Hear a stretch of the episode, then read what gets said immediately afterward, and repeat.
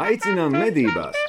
Sarunas par un ap medībām kopā ar Lindu Dombrovskiju un Oskaru Trēliņu. Čau! Garām!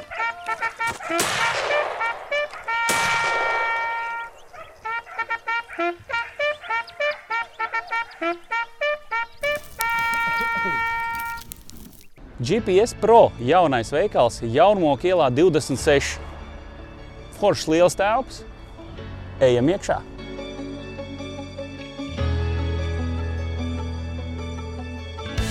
Ok, ir jauns zīmols GPS Pro veikalā. Alpen Optics. No Alpen Optics ir gan binokļi, dažādi binokļi. Ja? Pasties 842, mans mīļākais īstenībā. Hei, jā, super. Un ir termokameras arī, gan uh, termomonokli. Visādas lietas nāca parādīšu.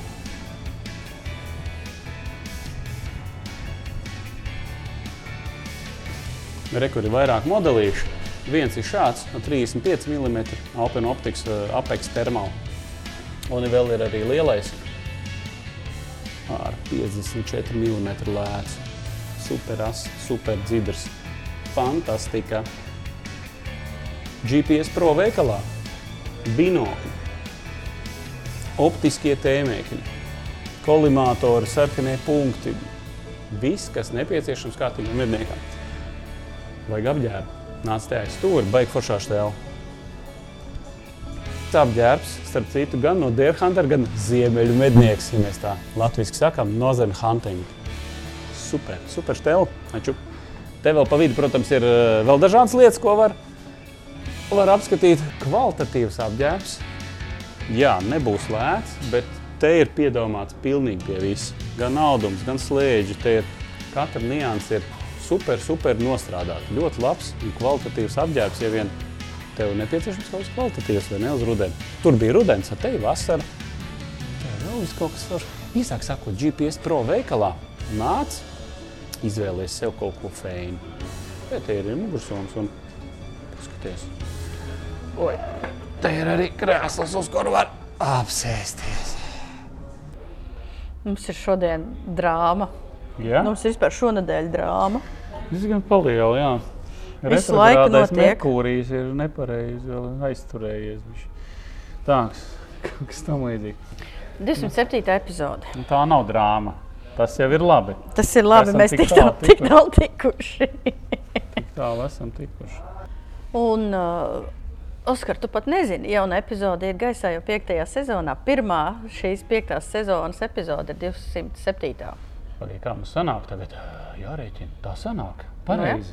Nu, jā, Mums ir div- svētki. 27. Mums Mums visu laiku ir svētki. svētki. 27. novembrī mainās sezona, un tagad ir iet gaisā 29. Mēs plānojam epizodi sadalīt divās daļās. Pirmā drāma, otrā drāma, un tad ir uh, teātrī. tas Trešo daļas. drāmu mēs daļas. atstāsim uh, uz uh, nākamo reizi, kad būs jau kaut kāds iespējams atrisinājums, varbūt nebūs atrisinājums. Nu, davai, sākam. Pirmā drāma pa vilkiem, Ok. otrā drāma uh, ne pa vilkiem, bet mēs Kolosāli. beidzot ar uh, Induli Zumā noķērām valsts meža dienestu vadītāju Arvīdu Ozolu un bija saruna ar Walteru Lūsi. Fragmentus no, no intervijas ar Arvīdu par dažām tēmām mēs ieliksim podkāstā, bet sāksim, sāksim sarunu ar zvanu Kasparam Šoikovskim kurš ik pa laikam parādās televizorā, bet uh, viņam ir viedoklis par vilkiem. Jā, Lido. O, čau! Es tieši teicu, ka vajag, tad neviens neceļ, bet tu cel. Mēs tev sakām, mēs esam uh, ar Oskaru Trēliņu, tagad ierakstām podkāstu šauju garām. Un, mm -hmm. uh, mēs gribējām. Sveiks. Mēs mēģinām, gribam šonadēļ parunāt par drāmām, un tev medību platībās ir notikuši dramatiski notikumi. Mēģini būt pēc iespējas pieklājīgāks, Jā. lūdzu. Cik, lai, lai, lai nav daudz pīpī jātais. Es esmu pieklājīgs. Es jau esmu izdomājis, pīlāns. okay. Nu, tālāk notika. Ja? Jā, tur, tur arī viss stāsts. Paldies! Paldies! Tā arī beidzam. Ja?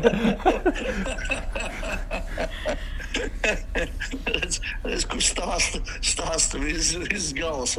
Vienmēr sakot, es domāju par um, visu šo dzīvnieku uzskaiti, jā, plēsīgo. Kad uh, kādreiz bija šamaņi, kuri nu, noteica, Nu, mācīja izsaukt lietu, noteica, kad būs pavasaris, vai būs laba raža, vai meitene būs auglīga. Bet, ja tas šamans kāds trīs vai četras reizes deva nepareizu vēstījumu, Tad beigās viņi paņēma un cilts apēda. Nu, ziedoja. nu, ziedoja, tāpēc, ka šamans bija nepareizi nobūris to nākošā gada mamuta pieaugumu. Nu, šeit pašreiz ir līdzīgi. Nu, pašreiz izskatās, ka trīs gadus mūsu šamaņi ir kļūdījušies. Tad mēs varētu būt ne tik uh, barbariski kā pirmotnējās cilts, bet daudz niknāki.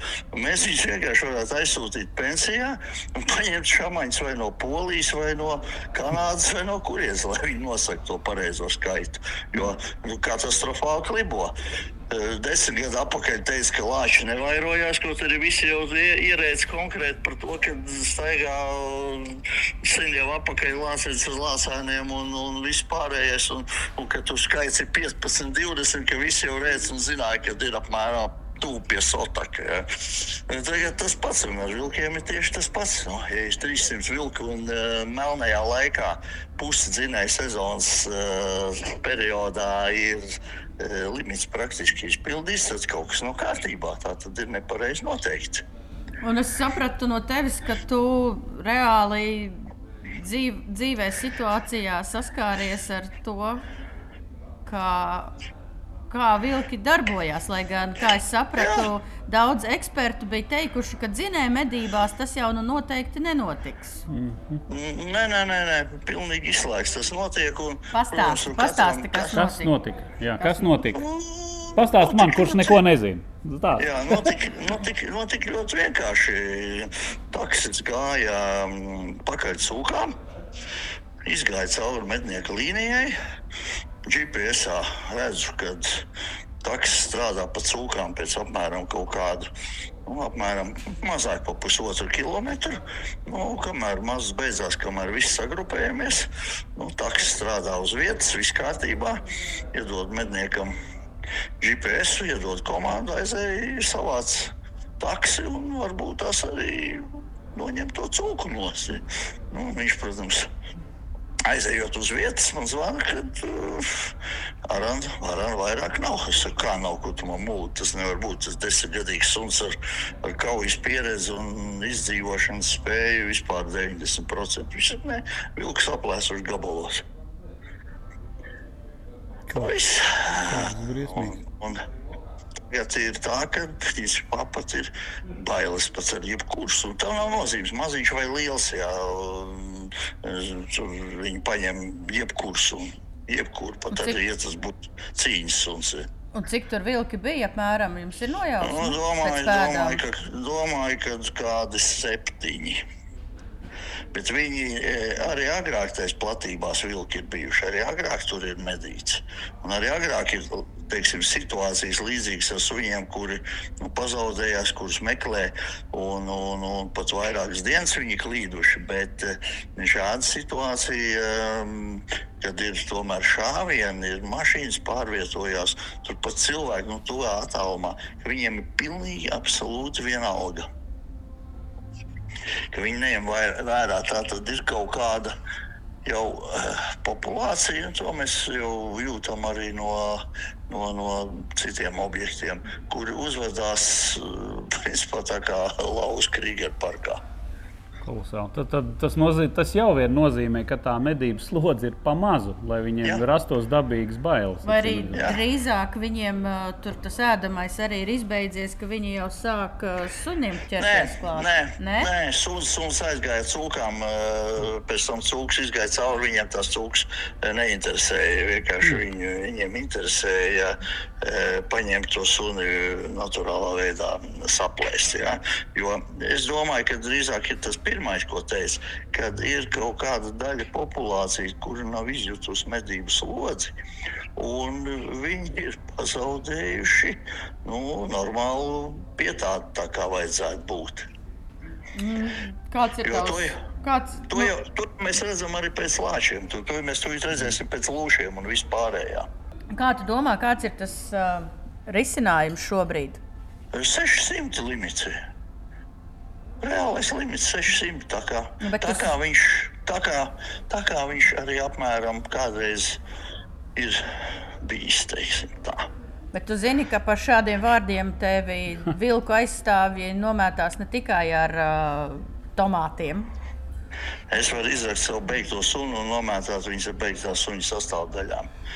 Viņi vienkārši ir dīvainā pirdēji, kuri eh, neiet dabā. un Man patīk tas arguments, ka ilgi tur nokot zemniekam divas aitas. Kas tad tur ir divas aitas? Nu, ja tu naudu saņem no budžeta, tad tev, protams, divas aitas ir pilnīgi pie vienas vietas. Ja? Bet tam zemniekam divas aitas sastāv konkrēti naudas summu, ja? kur neviens viņam nedod cits. Nu, jā, bet tavam sunim jau nu, tādas ekonomiskās vērtības nav. Viņam ir pavisam cita Viņam vērtība. ir morāla vērtība. Jā. Viņš ir desmitgadīgs suns, kurš nāk ar mani runāties. Un teikt, man vakarā nav ar ko runāt. Tas man ir jādabūna, lai viņi nāk pie manis un runājās. Es pacēlu jautājumu arī.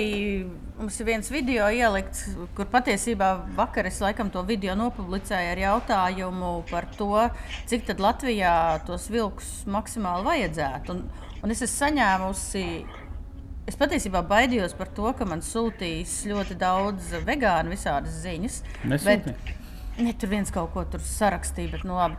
Uh, bet uh, patiesībā man ļoti daudzi cilvēki sāka sūtīt uh, video un foto ar to, kā vilki gar mājām staigā, uh, par to, kā viņi ierobežo savu darbību, jo viņiem tagad ir uh, tur apmēram. Uh, Miesas sargs suņiem un uh, aitām jāuzliek. Uh, un visi sūdzās par to, ka par to saitkopus neviens neklausās. Nu, visi visi mēģina no viņiem atkartīties. Kā, kā tu domā, Nu, cik Latvijā, cik Latvijā vajadzētu tos vilkus? Es domāju, ka apmēram tas pats, kas bija e, kaut kādā intensīvo medību, intensīvo medību pārejas posmā, e, pirms, e, nu, teikt, viņi kļuva par nedaudz uzpasējumiem. Tie bija veco laiku beigas, kad vilks bija trauksme un visi visos iespējamos legālos veidos piedalījās viņa medībās. Mežģīnu saimniecība apturēja pat ceha darbību un visu. Un tāpat viņi netika iznīdēti, ne tūnē, un viņi bija ļoti daudz.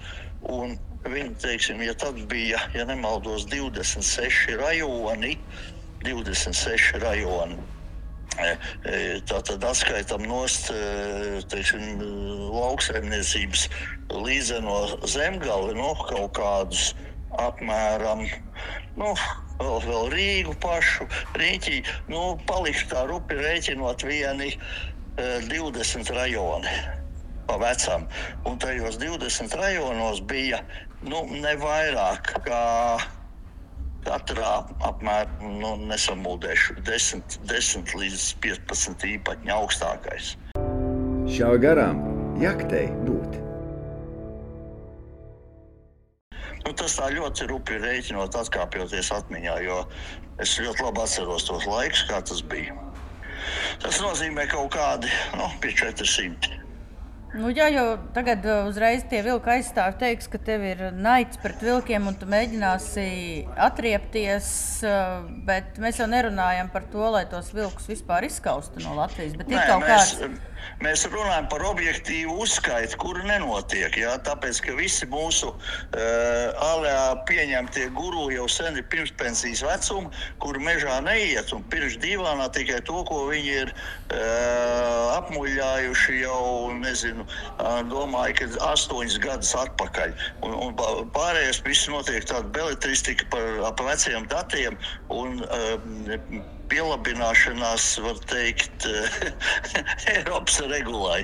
Tas pats bija lūšiem, jo eh, mēs varam te runāt, ko mēs, ko mēs gribam, bet fakti, teiksim, ir uz eh, konkrēti uz papīra un uz sejas. Ja runājam par lāčiem, desmit gadu atpakaļ mums bija biedri, kuri teica, ka lāči Latvijā nevairojās un ka viņi ir apmēram 15. Kaut arī tas neatbilst patiesībai. Pašreiz mēs redzam reālo situāciju, un tad viņi vairojās, pašreiz jau viņi ir krietni, krietni vairāk nekā uh, ar, ar varu izspiedu to skaitu.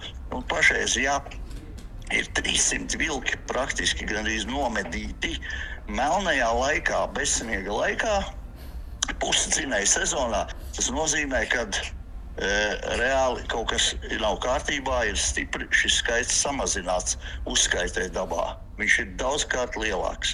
Domāju, ka reizes trīs lielāks. Jo to jau redz pēc novērojumiem, pēc kameras, pēc notriektiem, pēc to, kā viņi tuvojas apdzīvotām vietām, pēc to, kā viņi uzvedās. Ir, ir daļa populācijas, kurai nav medību slodze vispār bijusi. At Jautājumi daudz. Vēl viens jautājums no manas puses, kas ir mans pieņēmums. Ja tas bars, kas jums tur piedalījās dzinējumedībās, ir nogaršojis suni, tad viņi ir iemācījušies, ka suns ir ļoti viegla barība. Tagad tur visiem apkārtējiem, es domāju, arī mājās būtu jāsāk uztraukties. Ja arī tas bars ir kā bīstams vienkārši Es domāju, es, es domāju, ka viņš ir kā bīstams. Ja? Vienkārši teritorijas specifika ir tāda, ka mēs viņā tiekam uh, ierobežoti iekšā, uh, kas, kas arī ir viena no problēmām, kas nāk klāt. Ja? Jo, okay, bet tie ir militārie poligoni, kuros tā medības slodze būs mazāka, viņa jau ir mazāka. Vēl plus nacionālajie parki, plus rezervāts, plus pārējais. Tātad ir domāju, ka visā Latvijā pat vesela populācijas grupa, kura nu, saku, būs kā lauva Krieger parkā. Starp Mozambiku un Dienvidāfriku jau nekāda robeža nevajag. Ir Krieger parks, tur cauri neviens netiek. Kontrabandists. Tas viss apēda. Jā, patiesībā baigā viela pārdomām, jo tie vilki arī pie manām mājām nostaigāja turpat 3 km no saukrastiem. Viņi kur... ir visur. Jā, jā, jā, ir visur. Jā. Vilki ir visur un sāk parādīties. Viņi ir visur. Viņi ir arī, es varu pateikt, tuvāk pie Rīgas ir e, tuvākais, kas bija šogad fiksēts, ir upes ciems e, pie Langstiņiem. Tā kā tur pašreiz, kā kādreiz bija, o, tur dabas brīnums, vā, vā, vā, vā, vā. absolūti nav. Un es zinu, ka no Mārupas puses, no tīreļu, cenu tīreļi jau sen viņi ir pie pašas pierīgas, pie Mārupas, pie beberbeķiem, pie turienes iekšā.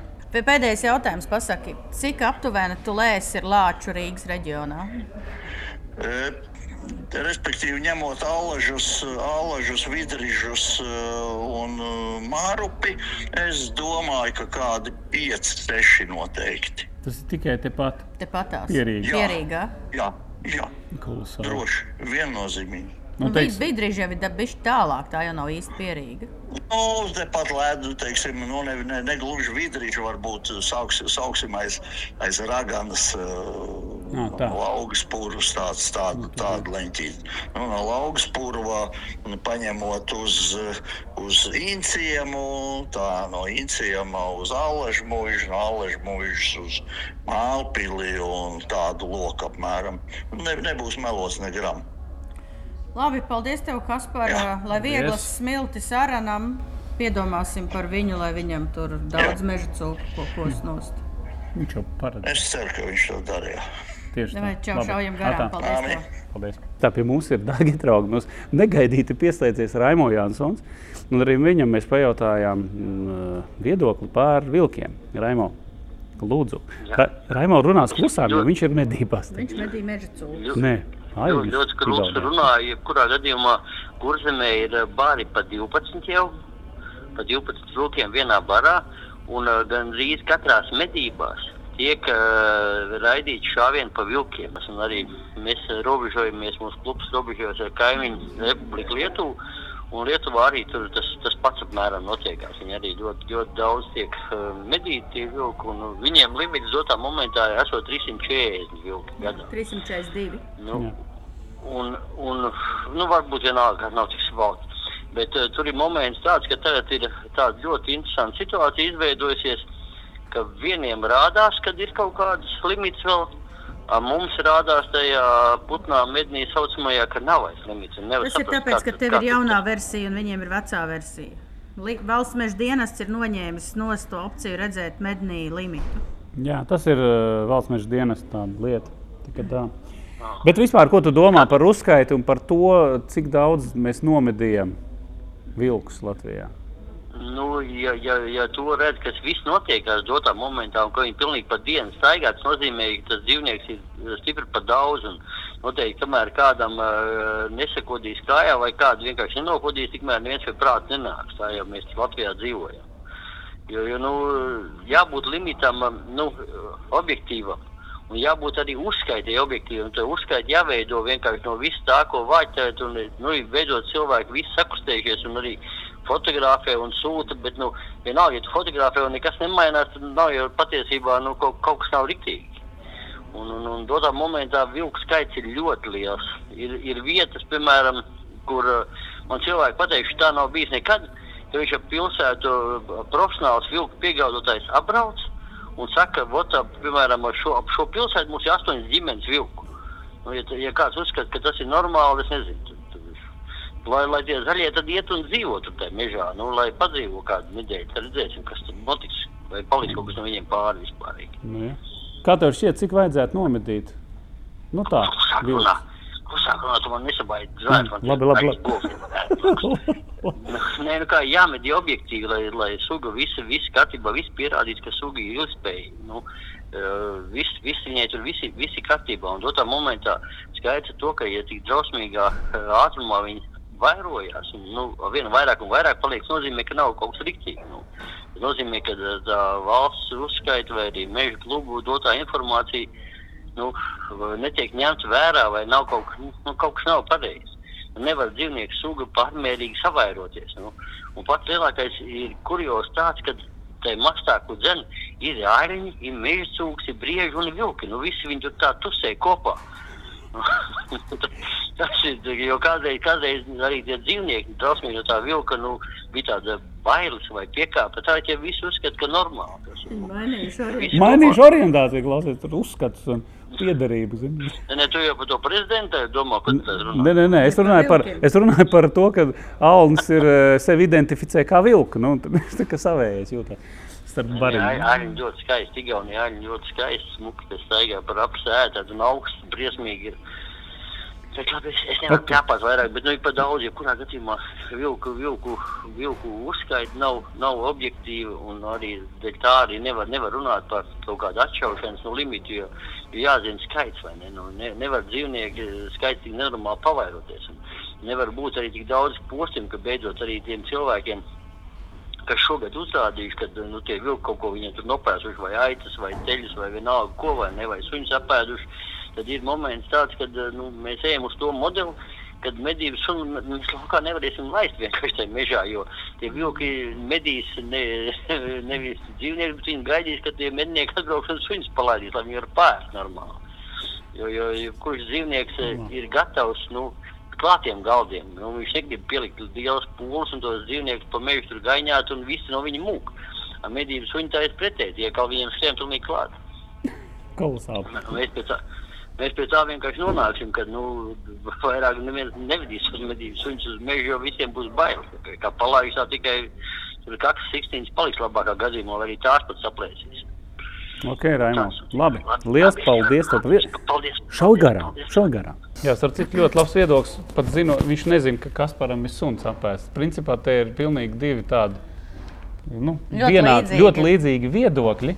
Ja? Nezinot pat, Bet nu, mednieki tas... nevar būt objektīvi. Mednieki, ne, nav mednieki objektīvi. nevar objektīvi. Viņu viedoklim nav pamatojumi, viņi tur nav fakti, viņiem tikai viss liekas. Nu, mums viss liekas, astoņas ģimenes ap pilsētu. Bē. To izdomāja. Viņus tur skraida, zina apkārt. Žurnāls Medības. Vienīgais tikai medniekiem. Ik mēnesi par ekipējumu, trofejām, likumiem. Jo medības tas ir mūsu dzīvesveids. Abonē žurnālu Medības 2024. gadam, saņem mednieku kalendāru dāvanā un vari laimēt jaunu karabīni no veikala ieroči. Ieklausies, laba dāvana medniekam! Žurnāls Medības. Iesakām izdevīgāk abonēt komplektā ar trim pielikumiem. Abonē portālā Lasi LV vai pastā. Loterijas atļaujas numurs 7861. Tā, darbie draugi, mēs esam GPS Pro veikalā, kas atrodas pie Spīces jaunokā ielā 26. 26. Jā, tieši tā. Un šodien ar Jāni mēs parunāsim par baigi foršām lietām. Es saprotu, ka tie ir jaunumi. Jā, jaunumi un arī labas klasikas. Arī Šitā, tā ja? var nosaukt. Jā. Tā, sāksim ar to, kas tad mūsu uz galdiņa ir par klasiku. Teici, ja? Kas tad mums te ir klasika no klasika šī? jau daudziem jau ir termoiekārta kā tāda. Vienkārši te ir pēc būtības. Mums ir termiķi, dārgie draugi. Tā ir mums klasika. Termo, mums ir termiķi. Tad, tad starp termiķiem mums ir um, monokļi jā. vai ķīķeri, tā sauktie. Ja? Jā. Un ir arī tēmēkļi. Un ir arī tēmēkļi monokļi. Jā, tieši tā. Kaut kā tam līdzīga. Uh, Varbūt iziesim cauri no sākuma, pastāstīt man par šo zīmolu. Viņš ir, man liekas, nesen parādījies pirms veikalā, vai ne? Jā, Bet tas diezgan... ir Alpen Optics. Jā, pastāstīt. Amerikāņu izcelsmes brands tas ir. Šis, uh, jā, nāk konkrēti no Vācijas, kur arī tiek salikts. Vācijā. Un, uh, jā, absolūti var pateikt, ka pilnīgs top produkts numur viens pie mums veikalā. Es domāju, ka varbūt pat uz Latviju arī ieskatās ir topā. Kā tirgū, jā. Kāpēc? Tāpēc, kad ir cena, kvalitāte un tehniskais arī, jā. Tā pastāstiet, šeit ir trīs, ļoti labi. Trīs aparāti. Jā. Ar ko viņi atšķirās? Principā pēc skata viņi līdzīgi. Nu, labi. Šim ir uzreiz mm. redzams, ka te ir lielā lēca, kad 50, 54 mm. 54, 56, jā, gan arī. 54 niece, korpusi gandrīz visiem vienādi. Tieši tā. Tikai atšķirās sensori iekšēji ir vienādi. Sensori visiem Šajā vienādi. gadījumā šiem trim alpen. Jā. jā, ok. Jo kas jau dod to vērtību tai kamerai eh, pašai? Tātad pirmais kāds iekšā sensors, matricis, okay. kā kurš to sauc. Un skatāmies izējošo diametru. Jo viņš ir lielāks, jo pats termālā iekārta pat ir vērtīgāka. Jā, okay. Tas ir Tāks, kāda Pamat, pamatā. Kāda matrica šeit ir? Iekšā? 384. Okay, Jā, 384. Tas ir tāds uh, klasisks Slēdās? variants, kas ir tieši vairāk monokļos izplatīts. Uzturnības ziņā tas būs kaut kāds kilometrs pāri stabili. Ja? No lielāka lēca varbūt to attēlu veidos labāku, plašāku redzes leņķi. Jā. Jā, bet uh, teiksim, funkcija, ja mēs būsim abi teiksim, turnītī, mums būs 500 metru pļauja priekšā, tad nav svarīgi, vai tev būs 25 vai 54. redzēsim mēs līdzīgi, noteiksimies vēru līdzīgi. Tas, ka tev būs plašāks redzes leņķis un tas attēls būs ah, nedaudz tā, patīkamāks acī, komfortablāks. Tā kā viss būs tāds pilnīgāks. Ja, bet bet, uh, tā funkcija arī mazais 25. izpildīs, jo iekšā ir vienāds. 384. sensoriņš. Jā, un vēl par tehniskajiem datiem. Jā. Pieņemsim, skaties, hops, ņemam ārā. Tā parāda, kas tur ir. Parastais akumulatoriņš. Jā. Tas ir uh, tāds pats aķītis, kas iet iekšā visos galvas lukturīšos. Jā. Ah. Viņš nav dārgs, jo skaties atkal no otras puses, jā, ir arī garantijas, jā, kas ir jānodrošina. Jā. Ja mēs ņemam kopēji, skatāmies, jā, tad uh, 30% garantijas ir dēļ akumulatoriem. Un tā bēda lielajiem visiem variantiem ir tāda, ka viņi nav izņemami, viņi ir iebūvēti. Nu, tas nozīmē, ka tev visu iekārtu jā, jāsūta ražotājiem, lai viņš samaina, lai viņš novērš Aha, to gadījumā. Ja tas, jā, jā. tas ir aptuveni ap 30% gadās tieši dēļ akumulatora. Šeit jau tas ir apiets. Jā, Parasti vienkārši atķīts 15, jā. 20 eiro, divi nāk komplektā. Perfekt. Divi nāk komplektā. Divi gabali. Un cik ir viens? Eh, vienā Kaut kādas 4-5 stundas pietiek. Pietiek, jā. Jā, tā, tā ir. Tāpat arī var palaist no powerbankas, rekurīt, izēja. Mm -hmm. Parādi. Jā, šitien te. Ja? Jā, viņš ir diezgan blīvi. Ah, USB type C. Ja? Ieraksts kā jau visam. Zūms, krāsa paletes kaut kādas 5, 6, manuprāt. Nu, parasti jau tomēr mednieks izmanto to klasisko melnbalto vai arī pretēji.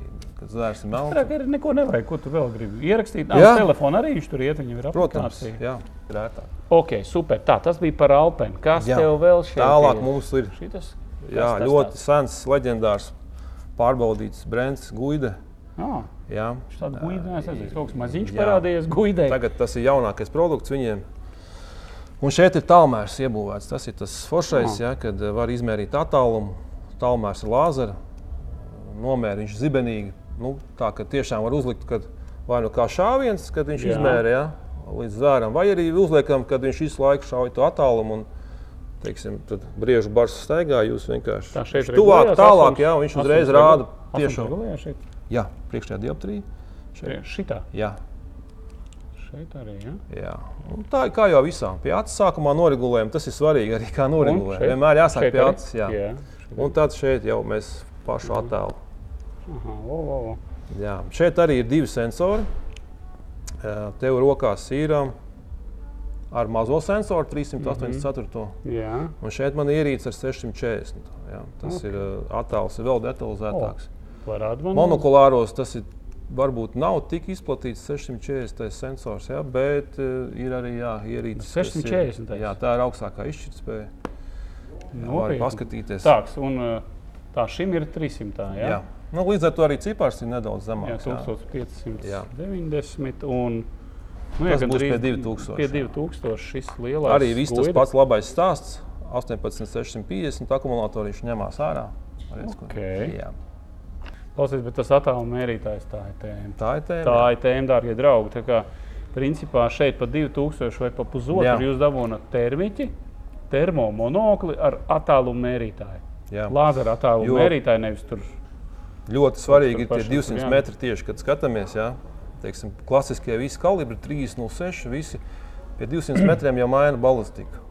Jā. Otrs variants, kad 200 metri arī parasti medniekam ir nu, lielākā daļa ir tā sarkanā robeža, kad jau viņš vairs vispār atsakās no šāviena. Jā, kā, jā, tas jā, ir ļoti svarīgi. Saprast, Teiksim, pateikt, ir 180 vai 245. Jā, tur jau būs. Balistika jau tur būs uz 306 kalibriņa jau diezgan kritēns būs. Tā kā, Tad, darbie draugi, šī tāda stelīta guida tēma. Jā.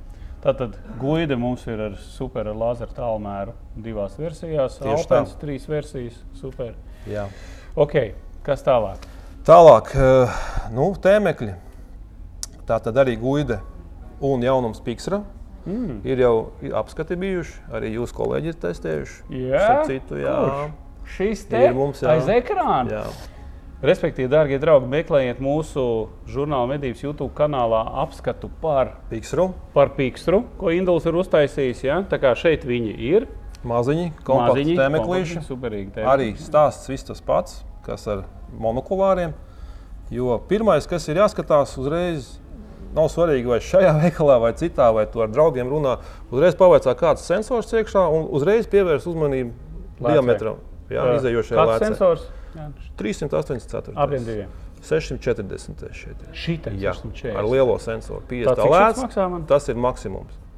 2690, 2700 gandrīz, un šeit ir 1390. Jā. 300 matrica ar mazo lētu. 25. Bet tas ir tēmēklis, dārgie draugi. Jā. Un man rokās ir nu, klasiska izskata, tā kā optikas Jā. tipa Termālais tēmēklis. Mm izējošais. Šeit ir 25. guide. Jā, šeit sensors ir 400 x 300. O, ir tāds liels ekrāns. Jā, tāds diezgan liels viņš ir. Jā, un pateikšu pēc pieredzes, kad mednieki, ja var tā teikt, iedalās divās grupās. Ir kam patīk kompaktais, mazais. Jā. Jā, tātad šeit nāk vēl sliedīta komplektā. Redz, jā.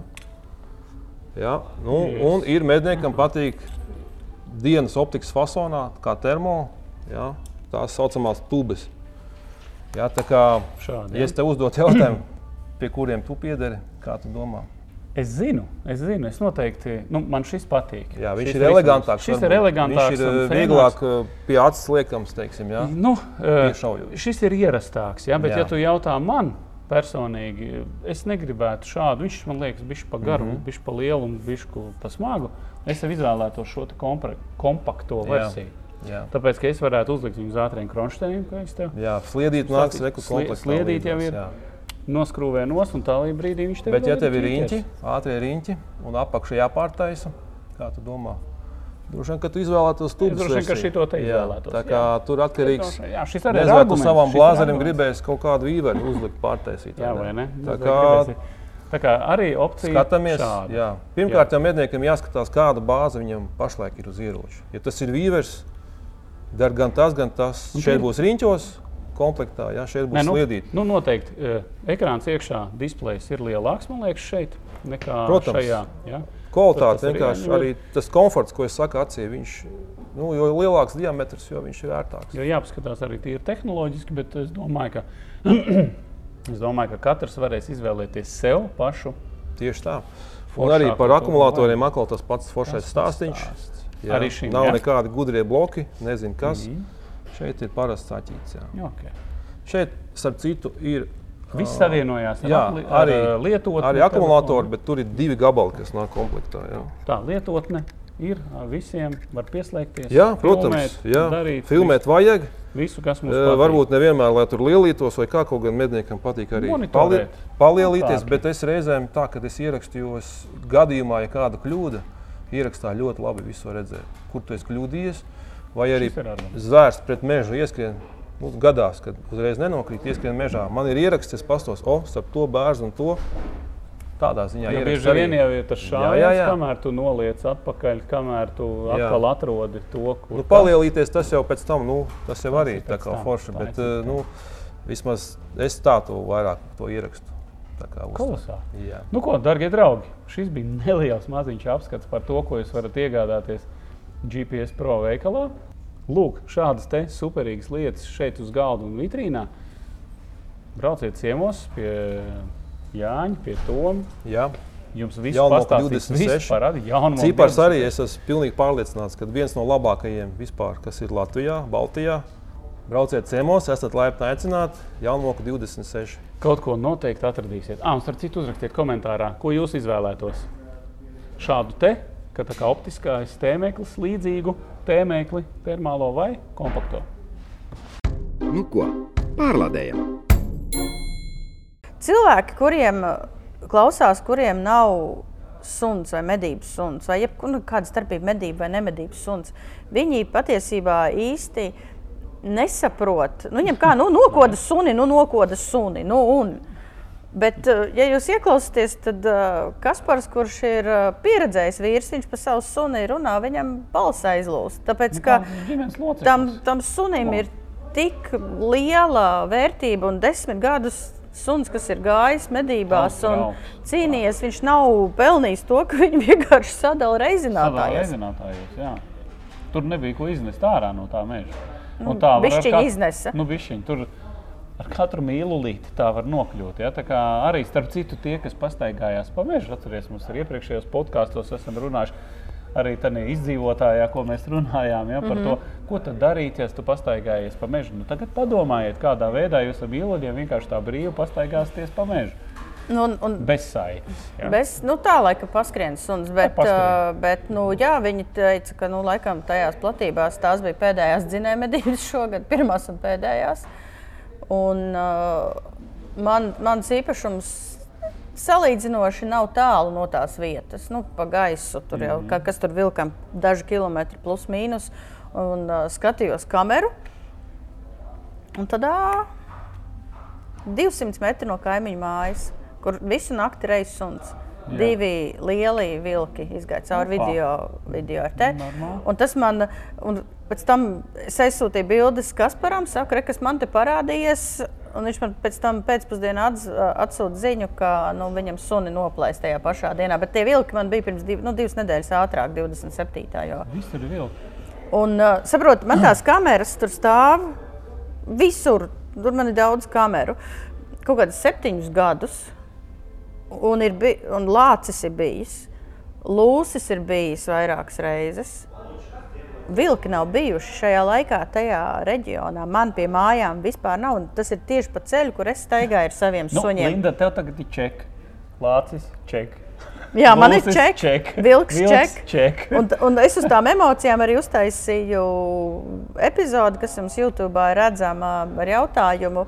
Es jau nesaku, ka tie vilki ir jāizšauj, bet jautājums ir tāds, cik tad mums galu galā viņus vajag? Nē, Nu, cik mēs viņus viņu galu audzējam? Galā, jā, cik galu galā mums viņus vajag, cik galu galā īstenībā ir uzskaitīts. Un uh, pamatojoties uz to, ir iedots, li, ir iedots limits. Saprot? Jo ir kaut kāds Jā. skaitlis, nu, kaut kāds skaits.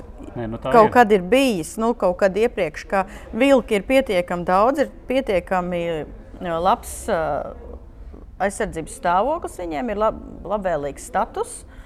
Bet tā konflikta nav. Bet, ja tagad cilvēkiem ir jābaidās iet ar saviem suņiem mežā, jābaidās aitas laist ārā vai zirgus laist ārā, nu, vai nu, labi, ļaunākā gadījumā bērns pa tumsu, pa mazu meža ceļu uz uh, skolu palaist. nu var uzbrukt arī. Ne, nu, ne, tas, eksperti teiks, ka neuzbruks. neuzbruks, jā, bet, protams. bet pasakiet, tas simtprocentīgi ir tīrs sirdsapziņa, ka tāds Kā risks nenotiks, nepastāv. jā. Nu, kaut kāds viens procents viņš ir. Nu, tev labi 0,01%. Bet kas tad ir uh, svarīgāks? Un tad ir kaut kas, kaut kur, kaut kas ir nogājis ritīgi greizi, ja, ja ir šāda situācija. Pagala jau nedeg viena, nav jau tā, ka visi sēž un vienkārši tāpat viens sūdzās. Kaut, ka, kaut kas ir pa daudz. Respektīvi, kaut kas ir eskalējies dotajā brīdī, un šis ir jārisina. Nu, nevar nihilistiski tā atlaisties.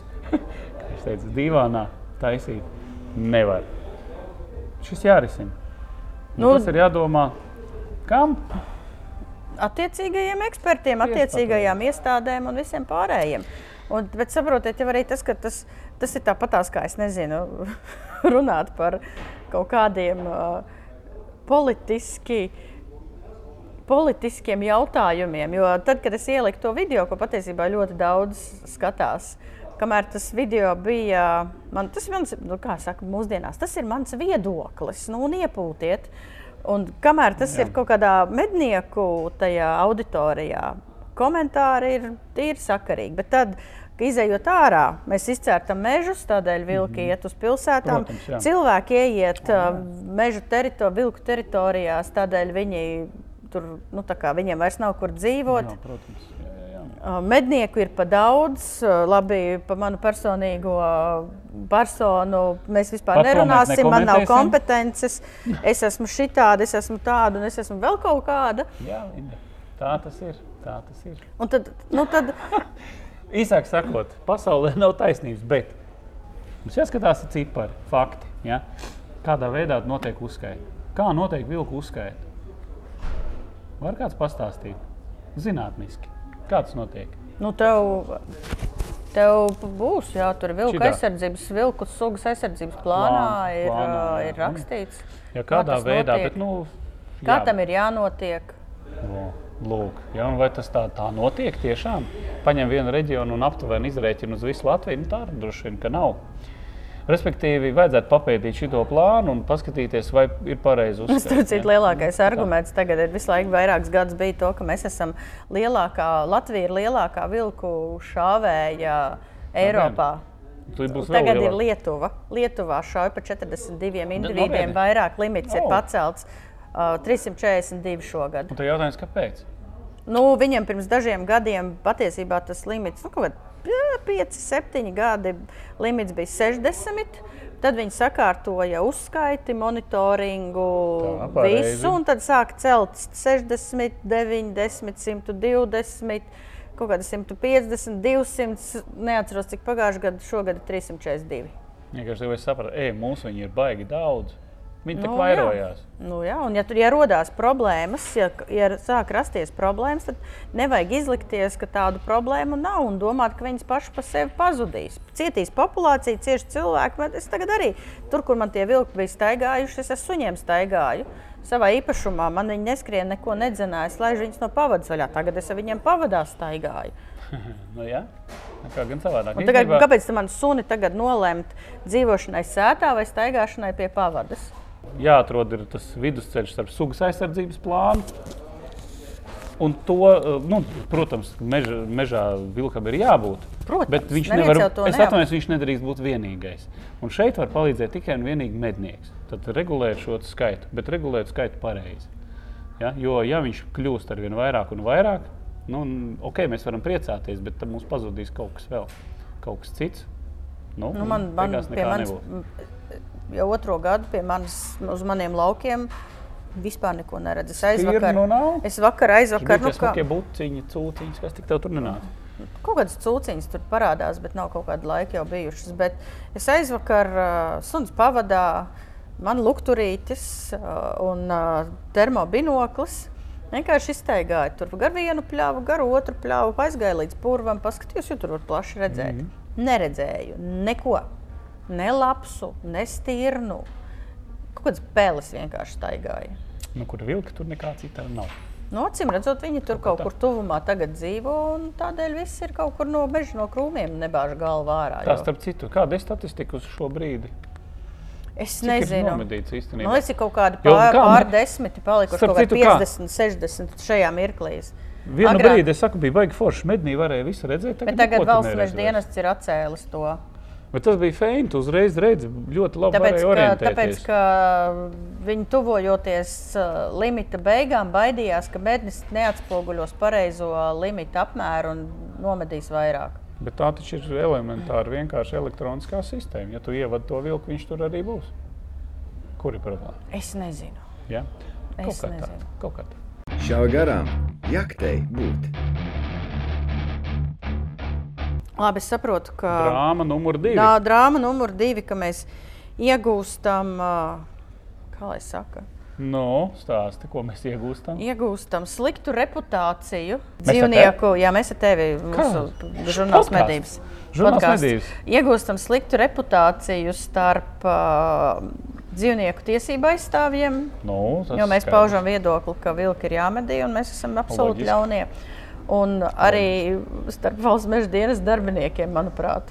Tagad jau ir. Ja? Tāpēc, ka Jā, mēs, ja mēs sakam, uzdodam jautājumus. izmantot mednikai, lai Nē, jūs mūs mēs, uzdodam, uh, uzdodam dīvainus jautājumus. jautājumus. Es teiktu, nērtus, nevis dīvainus. Nu, jā, Patiesus. precizēšus, patiesus jautājumus. Patiesus problēma slēpjas tajā, ka pēdējā laikā mēs esam saņēmuši ārkārtīgi daudz sūdzību no medniekiem, un tās sūdzības nāk no dažādiem, ā, Novadiem. nu, ne tikai novadiem, bet no dažādiem Reģioniem. klubiem, dažādiem, Klubiem, dažādiem cilvēkiem par to, ka mm, valsts meža dienesta inspektoru rīcība ir necienīga, nepieklājīga, augstprātīga, nepamatota, ka raksta protokolus par sīkumiem, neķer malu mednieks. Es, es to retoriku vienkārši stāstu. Jā, es arī šo, tas, tas, tas tā ir. Jā, daudz Nu, tā, ir, daudz ir, tā. ir sūdzības. Nu, ir sūdzības. Sūdzības ir. Jā, jā ka, teiksim, bieži vien, jā, starp citu, šis ir. Šo arī es esmu ļoti bieži dzirdējis. Nu, saka, kā, Viņi atbrauc, man pārbauda, meklē piesienās, bet tad, kad mums bija malu mednieki un vajadzēja palīdzēt, neviens nebrauc. Aptuveni šāds ir tas, tas teikums. Ja? Nu, jā, un ja, ja, ja atbrauc, uh, atbrauc pārbaudīt malu mednieks, pa ko ziņots, tad pāri paņem priekšā visu kolektīvu, Visu un viņi kolektīvu. vairāk iet medībās. Negrib. Nu, labi, pārspīlējums, sarkasms. Un tādēļ mums bija sakrājušies virkne jautājumu, ko mēs gribējām uzdot ar Indulī valsts meža dienesta vadītājam Arvidam Ozolam, kā mēs arī jums solījām, ka mums būs tāda saruna. Tas bija par traucēšanu. Jā, jā. Tas bija par to, vai vajadzētu stāstīt par šādiem gadījumiem. Kas mums tur vēl bija? Vēl bija kaut kāds trešais jautājums. Par piebarošanu visādiem nu, Piebarošanu uz zemes, jā, šis Jā, variants, un, par un, pāris graudiņiem. un uz- pirms tam, kad mēs ar tevi ar Arvīdu Ozolu runājām, tad viņš teica, nevajag nākt ar kaut kādiem, tante teica, piemēriem, vajag ar konkrētiem piemēriem. Dabūjām konkrētus Mēs piemērus. dabūjām piecus konkrētus piemērus. Mums tā saruna ar Walteru un Ivetu, kas viņiem ir preses daļā, un uh, Arvīdu Ozolu bija kaut kāda pusotra stundu. Sākās ļoti emocionāli un augstiem toņiem. Mēs visu pilno uh, ierakstu ieliksim maksas kanālā. Varēsiet izbaudīt procesu.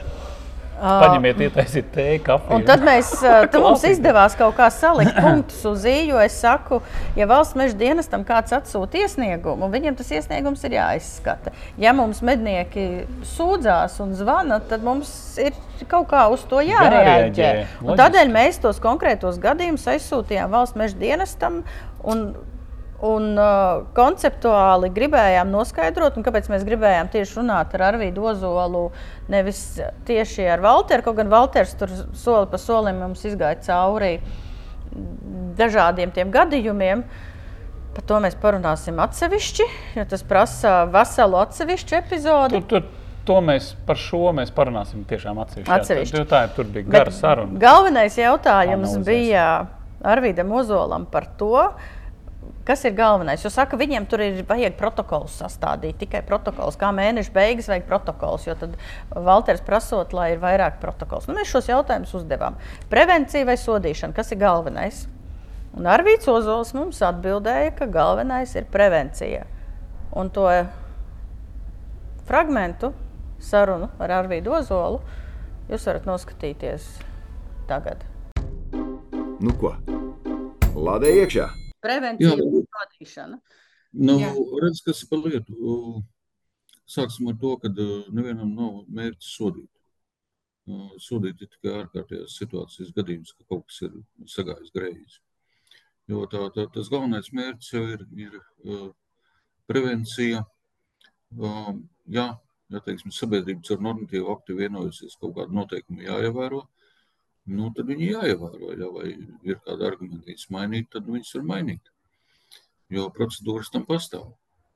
Un, redziet, te jau nu, tas ir gandrīz tas pats jautājums. Nu, ok, ir zīme 90 km/h. Nu, un tagad, tagad man tur noķer. Un, un, es domāju, ka nu, jā, bet... problēma būs tad, ja noķers tevi pa uh, 98, tad cepsies. Ja noķers pa 115, tad necepsies. Tur ir tā starpība. Nē, nē, nē tur tā starpība ir tāda, ka īstenībā jau sots ir par 10 plus.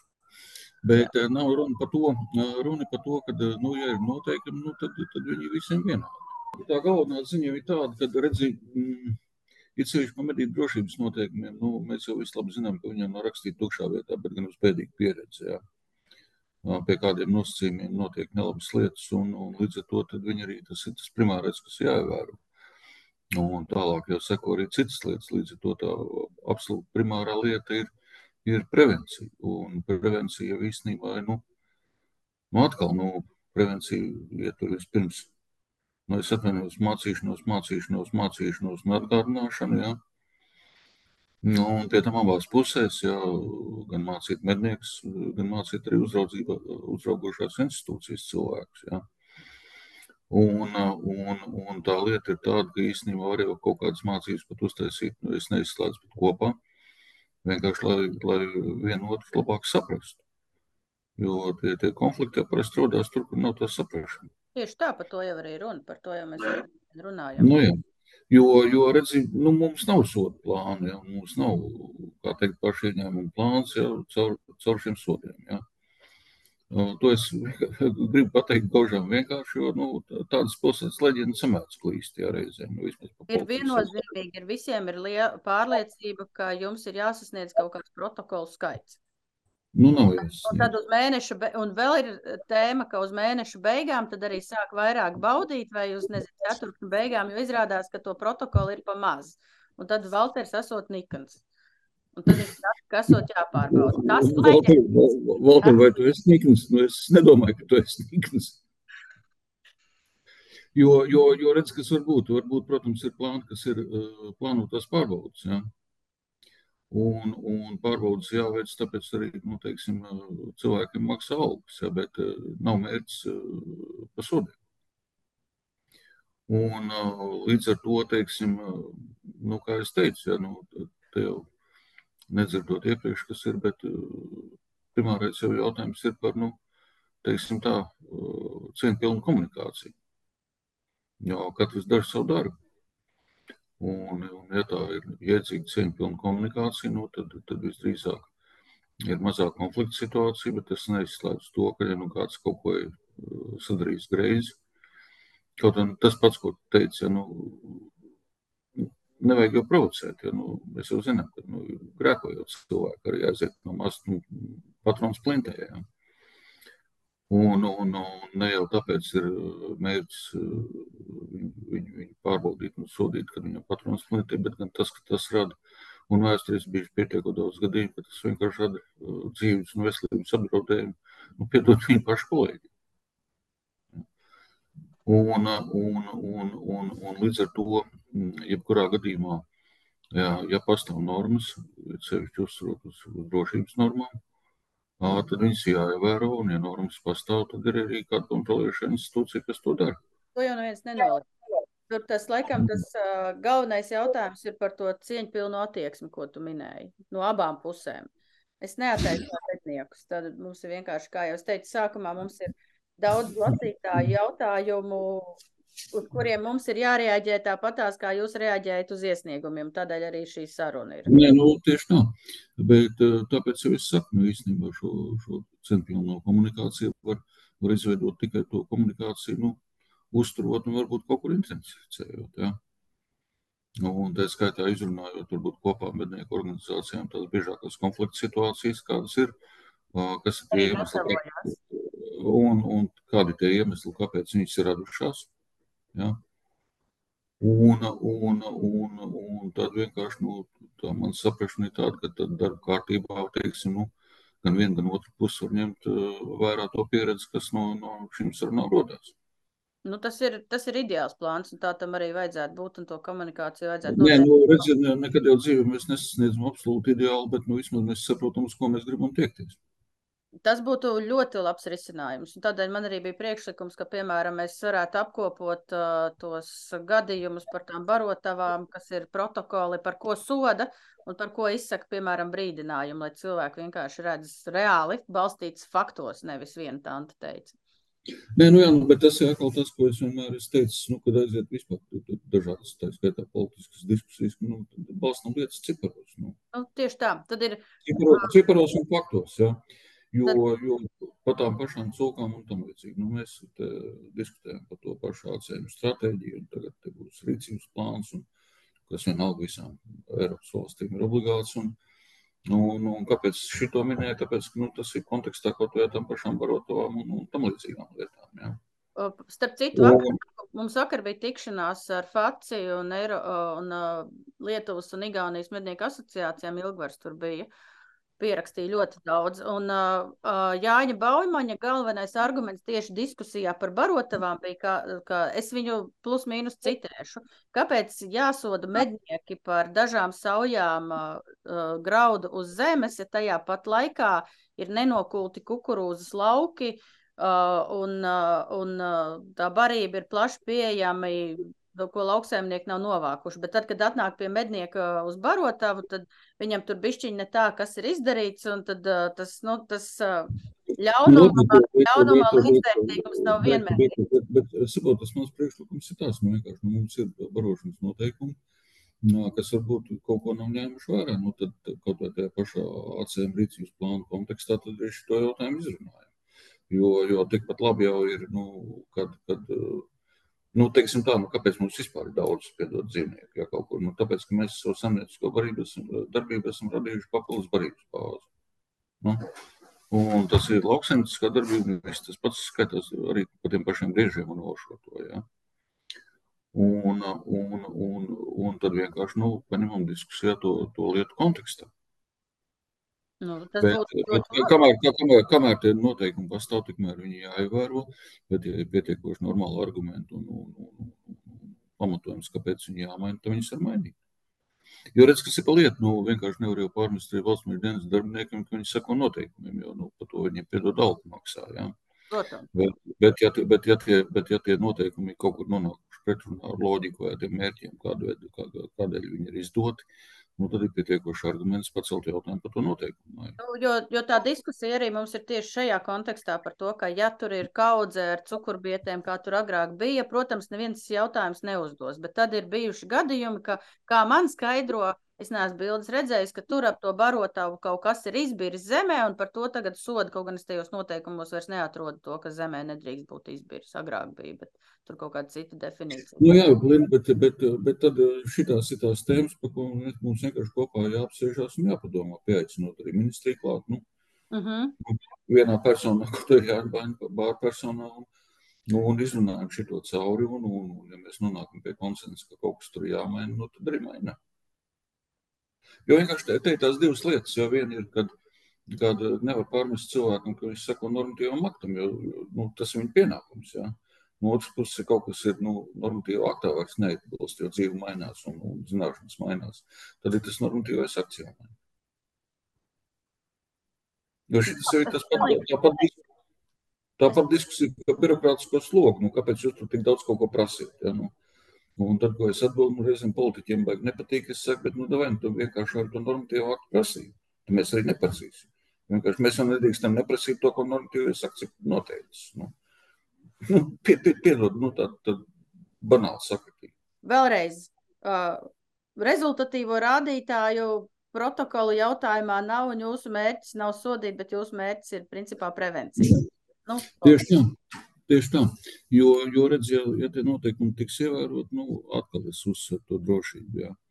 Nu, tad, tad piedod, nu, visiem, visiem procesa dalībniekiem būs drošāk. Ja, nu, jo tie pēdējie gadījumi, kas, kas mums te iepriekšējos gados bija, nu, tur bija, nu, nu, nu primitīvi, brutāls drošības prasību pārkāpumi, jā. Un, un, un mūsu mērķis nav, nav, nav sodīt, un nav, nav protokola skaits. Diezgan, protams, ja cilvēkiem uzdevums veikt pārbaudēm, tad viņiem ir mērķis, kā un cik viņiem tās pārbaudas veikt, bet tas mērķis nav, nav sodīt. Bet vienkārši nu, tā, tā, tā, tā, tā inspektora klātesamība eventuālā var būt kādu, nu, kuram nav no bērnības ieaudzinājuši, teiksim, nu, pareizu uzvedību, tomēr kaut kādā vietā disciplinēs. Tad, tad tā jau tas, tieši tā, tā inspektora klātbūtne jau arī ir lielākā prevencija. Tādēļ arī liek ceļu, ceļu policijas mašīnas citās valstīs vienkārši mulāžas, lai ierauga un nobaidās. Nu, jā, bet nu, tas ir apmēram tas pats, bet vienkārši, nu, jo, jo lielākā daļa mednieku jau, nu, nu piedod, nu, man, man, man tēvs no bērnības mācīja, kā, kā, kā droši ar ieroci apieties un ka pat tukši nedrīkst vērst uz citiem un tam līdzīgi. Jā.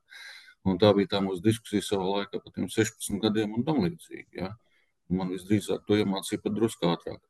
Bet nu, ir cilvēki, kur, kur, kur varbūt tās lietas apgūst vēlāk, un viņiem tās tradicionāli nav tādas bijušas. Nu, nu, tad, ir, tad ir vienkārši šis viens prevencijas faktors. Tas fakts, ka tās kontrolas teiksim, tā, bija, ir un būs. Nu. Par tām kontrolēm neviens neiebilst par to izpildījumu citreiz. Bet arī tas ir saku, viena puse, otra puse, beigās ir konflikts, un tad mēs mēģinām atrast. Nē, nu, saprot, es jau nevaru pateikt, ka tam ir taisnība vai šitam taisnība. Nu, vienkārši mēs varam balstīties uz faktiem, un ja ir kaut kādas tādas lietas, nu, vienkārši uh, var sanākt kopā un tos, tos, tos eventuālas konflikta situācijas izrunāt un arī saprast, kā viņas labāk risināt. Tu atbildēji uz manu pirmo jautājumu. Tagad ir mans otrais jautājums par to, kas ir traucēšana, kas ir nav traucēšana. Izstāstīšu to gadījumu no savas prakses, kur es biju pati klāt kaut kādā 8, 9 gadi atpakaļ, kad arī mēs par šo jautājumu runājām un diskutējām pat mazāk, bišķiņ, mazāk, 5 gadi atpakaļ, kad vēl Kreisliņš bija, Kreisliņa kungs bija vadītājs. Es aizbraucu 200 km uz Latgali uz medībām, uz meža cūku medībām, uzkāpu tornī. Uh, pēc stundas pa lauku man piebrauc klāt valsts meža dienesta mašīna ar divām meitenēm, laikam vietējā Latgalē tas bija. Uh, vietējām virsmežniecības darbiniecēm pasaka, lietas, nā, kāpiet lejā dokumentu pārbaudas. Nokāp lejā, pārbaudīja dokumentus, viss kārtībā, ar to arī viss beidzās. Tad mēs sākām runāt par to, uh, Nu, kā tas ir, ka es, piemēram, veltu vienreiz mēnesī laiku un degvielu aizbraucu uz LR atā uz kaut kurieni, lai pamedītu vienu vakaru, man piebrauc mašīna pie toņa, ar to arī medības ir beigušās. Un tad man arī bija diskusija ar Krēsliņu kungu, kurš teica, ka, nu jā, nedrīkst braukt valsts meža dienas darbinieks pie torņa un traucēt medniekus. Par to tādēļ arī Valters prasa, no kurienes ir tā, tā, tas viedoklis. Tas ir viedoklis, kas bija toreiz saskaņots ar tā laika valsts meža dienesta vadītāju. Citi laiki, citi cilvēki, citi vadītāji. Kā ir tagad, kad ir traucēšana un kad nav traucēšana, vai braukt klāt pie torņa šādā situācijā? Ir, man, man, man ir pretjautājums, kad zinot, kad teiksim, pamanot, ka turnīrā sēž cilvēks, kā tavs eh, ieteikums būtu, kā vajadzētu vai labāk pārbaudīt, vai tas ir legāls mednieks vai maliķis? Kā tā, par ko mēs toreiz runājām, kā bija diskusijas, un ko arī ir Induls ar eh, inspektoriem iepriekš runājis, ka vienkārši gaida pie mašīnas. Atnāk un pārbauda, un tad arī vislielākā iespēja ir to protokolu sastādīt. Ja runājam par protokoliem, jau visticamāk naktī nāks ar neizlādētu ieroci. Ne, nu, atkal jau mērķis jau nu, sastādīt protokolu. Tam medniekam vispirms būtu jāsaprot, ka pirms ir šāpjas nost no torņa pašdrošības dēļ, tas ierocis jāizlādē. Tas jau noteikumos ir. Nu jā, nu, un, un, un par to ir runa, bet, nu, vienkārši redzi, šis tad ir vienkārši jāizrunā. Lai nu, saprastu, kā to labāk izdarīt un kā to arī labāk nokontrolēt. Bet, principā, viņi jau mēs sākam šo diskusiju. Nu jā, nu, bet redzi, nu, tas saka, ir komunikācijas jautājums. Nu, tieši tā, un tad, un tad mēs uzdevām jautājumu Valteram. Un Valters, tā kā tu mums rakstīji, vari precizēt to, ka, ka tas ne, jautājums par netraucēšanu medību likuma attiecās uz trešajām personām, nevis uz valsts meža dienestu. Tad, Nu, jā, tad ir skaidrs, ka kaut kas pēdējo gadu laikā ir mainījies attieksmes ziņā. Vai... Nu, jā, bet, bet es saku, vēlreiz, tas jautājums ir par, par, par savstarpēju sapratni, bet arī par to, ka dienestam atpersonu tās tiesības ir. Un citādi arī, ceļu policists, kas no krūmiem izlaiž ar runziņu priekšā, arī traucē man braukt. Varbūt es kaut kur nokavējuši tāpēc. Nu, nu, tas, ir, tā, tas ir tāds, es saku, vienkārši nu, tas ir jāizrunā.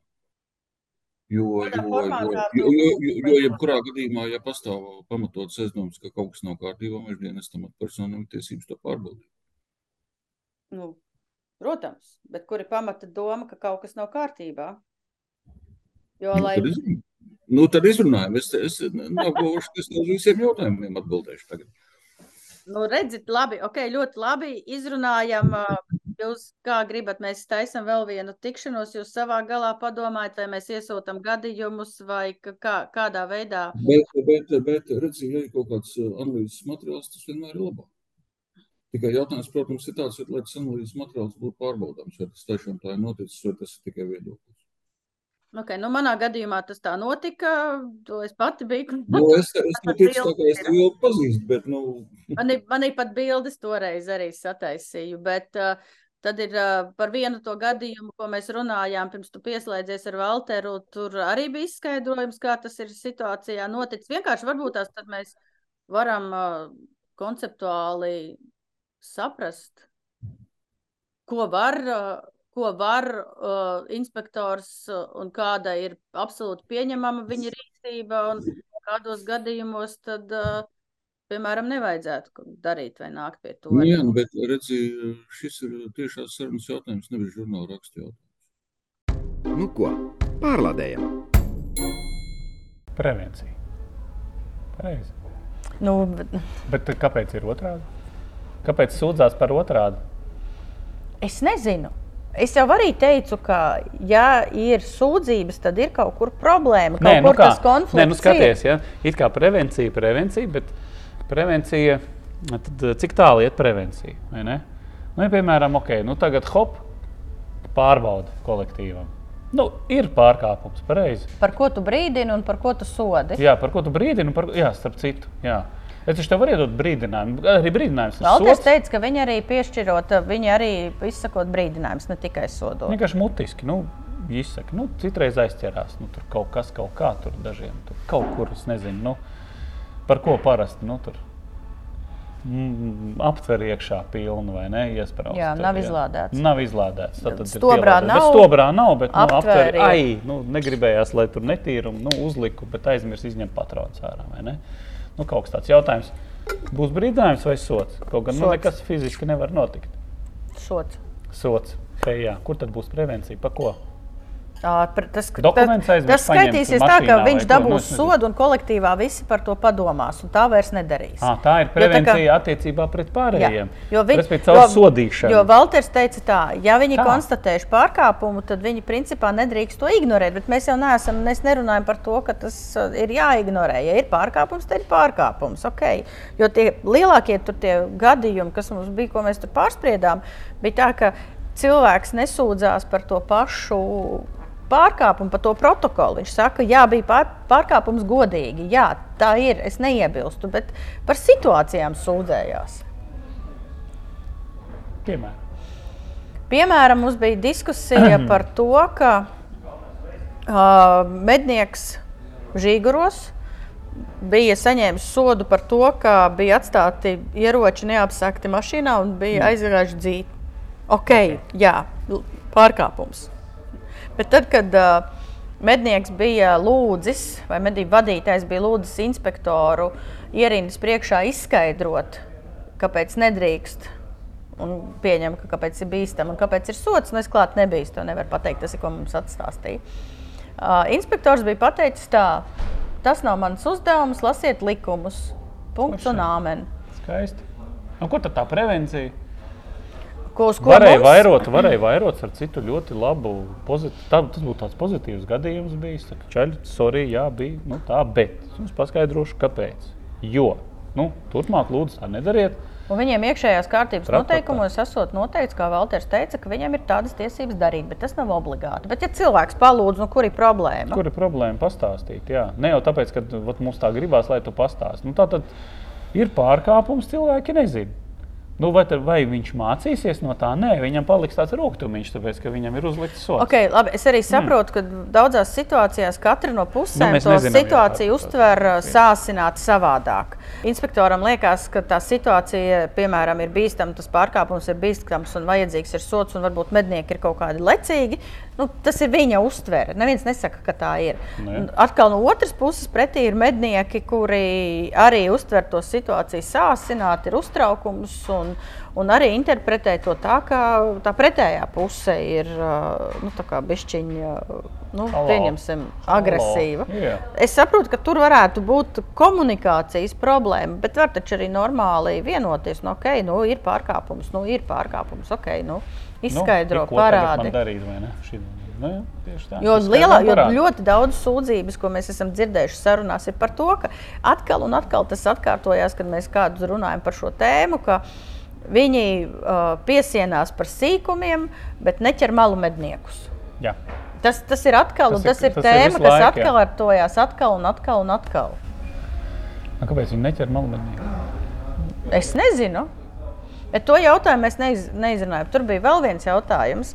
Ko patiesībā atrisināja. Es nezinu, viņi atrisināja ātrāk, jo bija ļoti daudz sūdzību. Vienā no Latvijas no. Uh, reģioniem uh, tika valsts dienas darbinieks klubiem izsūtījis informāciju par to, ka ir jāmarķē nomedītās meža cūkas nomedīšanas vietā. Nu, ne tikai tur bija laikam pa visiem dzīvniekiem, kam ir virtuālās atļaujas, arī briežiem, Bet kuriem ir tā tālāk, kuriem ir līgums. Uh, nomedījot uh, medījumu meža cūku mežā, ir jāuzliek pašai izgatavots savilcējs, lai meža cūku varētu identificēt. Uzrakstot virsū uh, to es pieņemu, ka tas bija tā, ka mēģina, mēģina izdot to licences, licences atļaujas numuru, uzrakst uz to lapiņu. Tas ir sviests. Tad jautājums, tad kāpēc ir vajadzīgs? Kam vispār to vajag? Nu, iedodiet man to savilcēju, ja man atkal jātērē nauda savilcējiem, un viņš ir jāliek. Nu, ne, nu, tikpat labi tur var būt lapiņa vai, nu, vai uzlīmē kaut ko. Nu. Uz ko mums būs arī skaidrojums pēc tam plašāks portālā medībām.lv.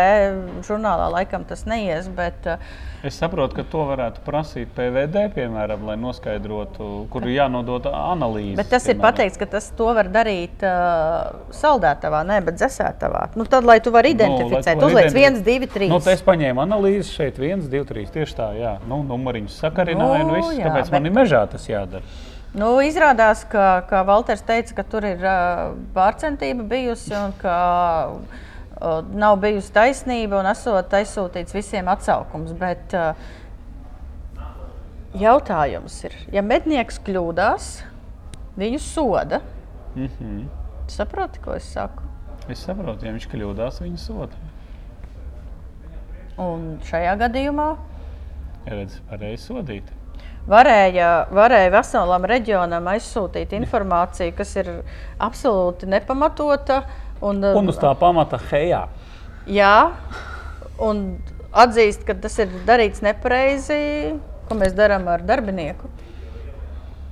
Tas ir retorisks jautājums. Mēs nav jau jāsod, bet tas ir retorisks jautājums. Nu, Šī tā te pakritīta pirkstu par izmestiem graudiņiem. Mēs par to arī diskutējām. Tur bija. Tur bija... Bet tur ir, zini, tur ir. Kas notiek par izmestiem graudiem? Soda? Uzliek sodu. Nu, jā, tāpēc, ja? ka principā uz zemes nedrīkst būt. Tas A, ir... Kā tu vari pierādīt, ka es to esmu izbēris?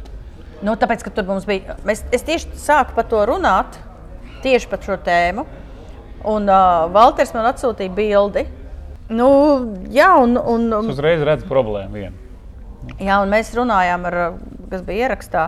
Vienojāmies ar Arvīdu Ozolu, ka pa vairākiem jautājumiem, tajā skaitā par neatrisināto jautājumu, vai drīkst uh, traucēt vai nedrīkst traucēt, ko tas nozīmē un kādas ir tās inspektora pilnvaras.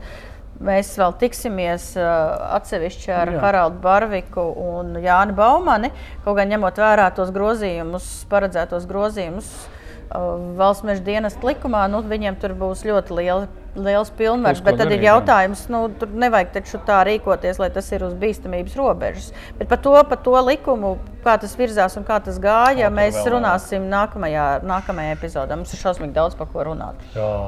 Nu, Mēs par šīm tēmām nu, Klausies, ir, tā kā, kā pilnīgi būtu tuvojies, un mums viss ir salīdzināts. Viņš ir tikai beidzot, bet joprojām turpinās.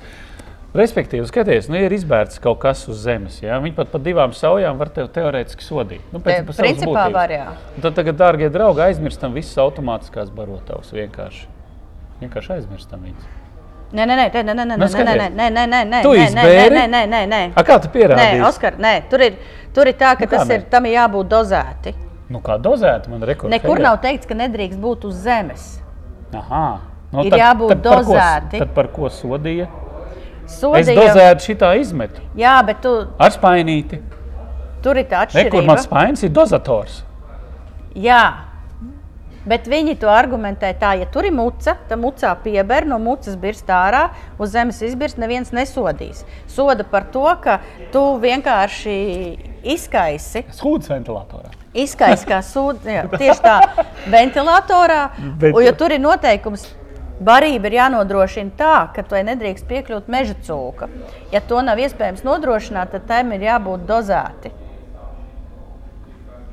Ja, tu, Ok, labi, ja tev ok. nāk no dozatora, dozators, ja tev skaidrs. nāk no dozatora, viss ir čiki briki.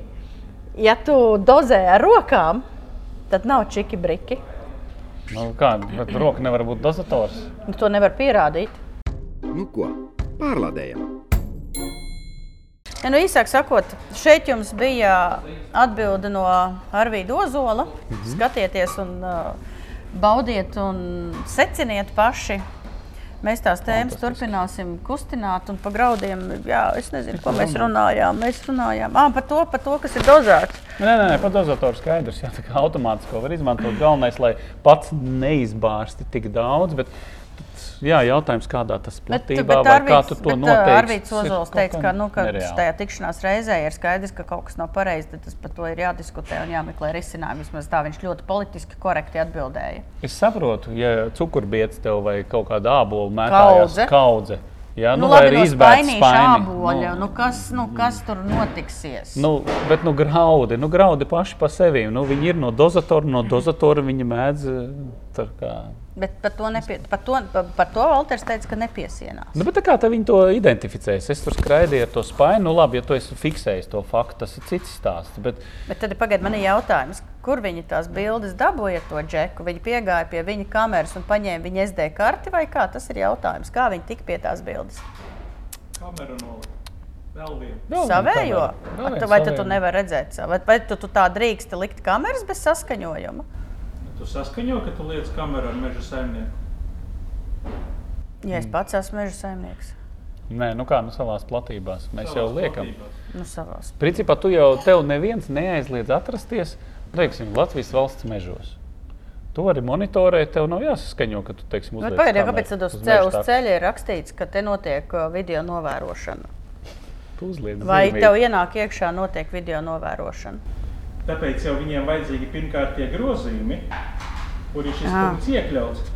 Jo viņiem, ja to dara valsts institūcija ar vēlmi e, atpazīt personu, identificēt, tad viņai ir jāinformē par to, ka tāds process notiek. Mēs vēlamies, mēs mednieki vēlamies identificēt medījamo dzīvnieku, un e, šis fakts nav jāsaskaņo ne ar ko. Bet tiklīdz tu parādās cilvēks iekšā, apzināti filmēts, tā viss jābūt paziņojumam. kā Induls skaidro, ir medī, me, mednieki mēģina identificēt uh, medījumu dzīvnieku. Dzīvnieku, jā. Bet, ja tiek mēģināts identificēt cilvēku, tad ir jāsāk process, par kuru ir jāziņo, Personu jā, jāpaziņo cilvēkam, ka notiek tāds process. Tādēļ arī esot. Uh, Mēs vēl tik tālu netikām, bet tajos uh, izslavētajos Grozījumos. grozījumos valsts meža dienas likumā esot arī šis punkts iekļauts. Okay, Tā kā mēs parunāsim principā vēlāk turpmāk mežā čurāt nevar. Redzēs, ka mēs lojam mežu, starp citu. Nu, kā nu nobildēs ar tevi darot to, un tev jau nekas tu stāvi, man ir savādāk. Jā, likie dibeni. Nu, lūk, tā kā Ko tu pateici? Kaut kas tam līdzīgs. Tālāk, darbie draugi. Mēs esam nopļāpājušies. Mums ir jābeidz. Drāma milzīga. Mēs esam uh, Jaunmoka 26 GPS Pro veikalā. Šos te jūs varat droši Un izmantot, lietot un skatīties, ja jūs kaut ko liekat uz ieroča. Tad tur ir jāievēro virkne nosacījumu, un to mēģina ļoti ķert. Ja, tagad arī to visu laiku. Visu laiku. Visu laiku. Visu Tas laiku. viņiem ir galvenais jājam zirdziņš.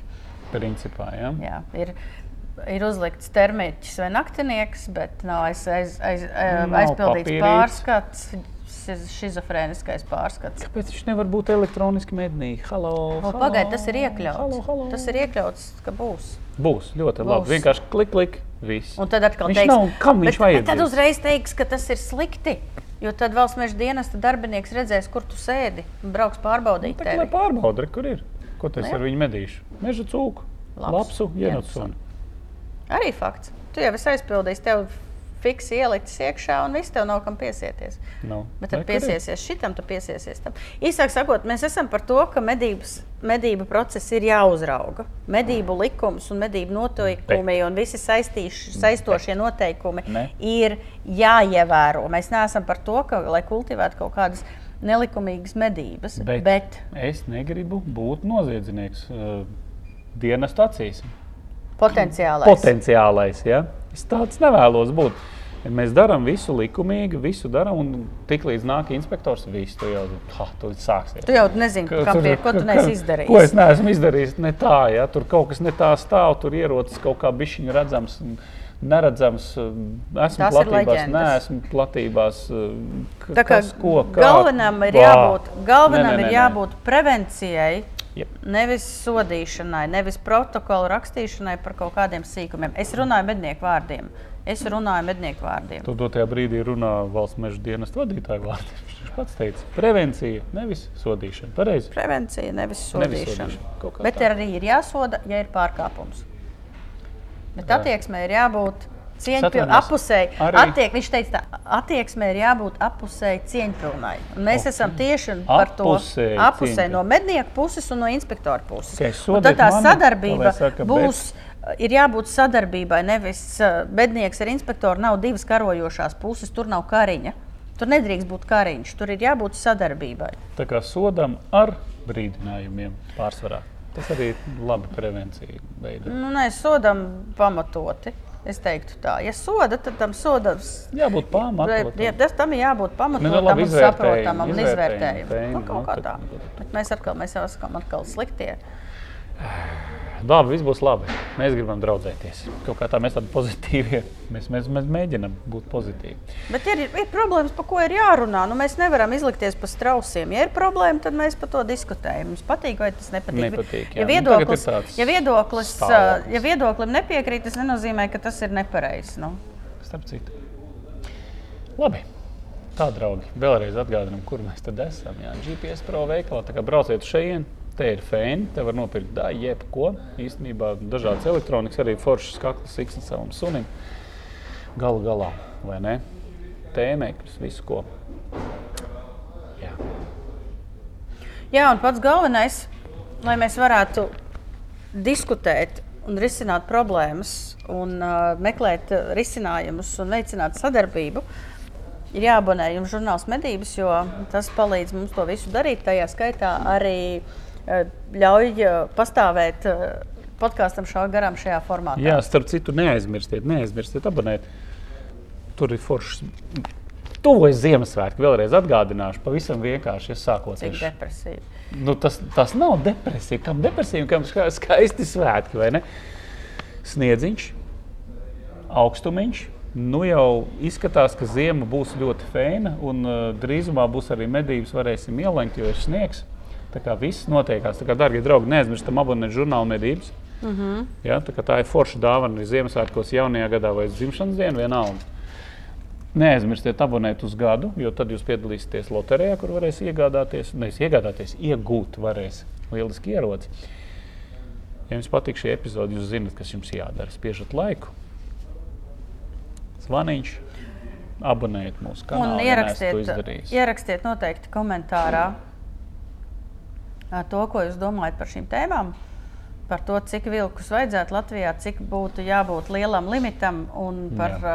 to, kā, kā jūs vērtējat valsts meža dienesta inspektoru darbību. Paldies, draugi, ka esat kopā ar mums jau četras Piekto. sezonas. Šitā ir. Četras pilnas sezonas, un šī Tagad ir piektā, piektā sezona. Piektā, Ko piektā jūs sezona. uzrakstīt arī tā, ko jūs gribētu redzēt, dzirdēt piektajā sezonā, kas būtu jāpamaina, kas ir jāuzlabo. Man liekas, šī tā ceturtā bija tāda fēna. Nu, mums bija ļoti daudz viesu. Tu brīžiem parādījies, brīžiem bija pazudis uz Tāpēc, ilgāku laiku. zini? Kur Tad ir? mums bija viesi, tagad mēs pēc kaut kāda baigā, baigā ilgākā laika esam atkal dotā ar Oskaru bez viesiem. Darbie draugi, esiet kopā ar mums, un mēs būsim kopā ar jums. Kaut kā tā, šaujiet garām. Šām garām. Nemēslojiet mežā, nemēslojiet nekur.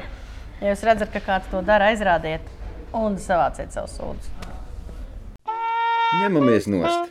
Masts beidzies!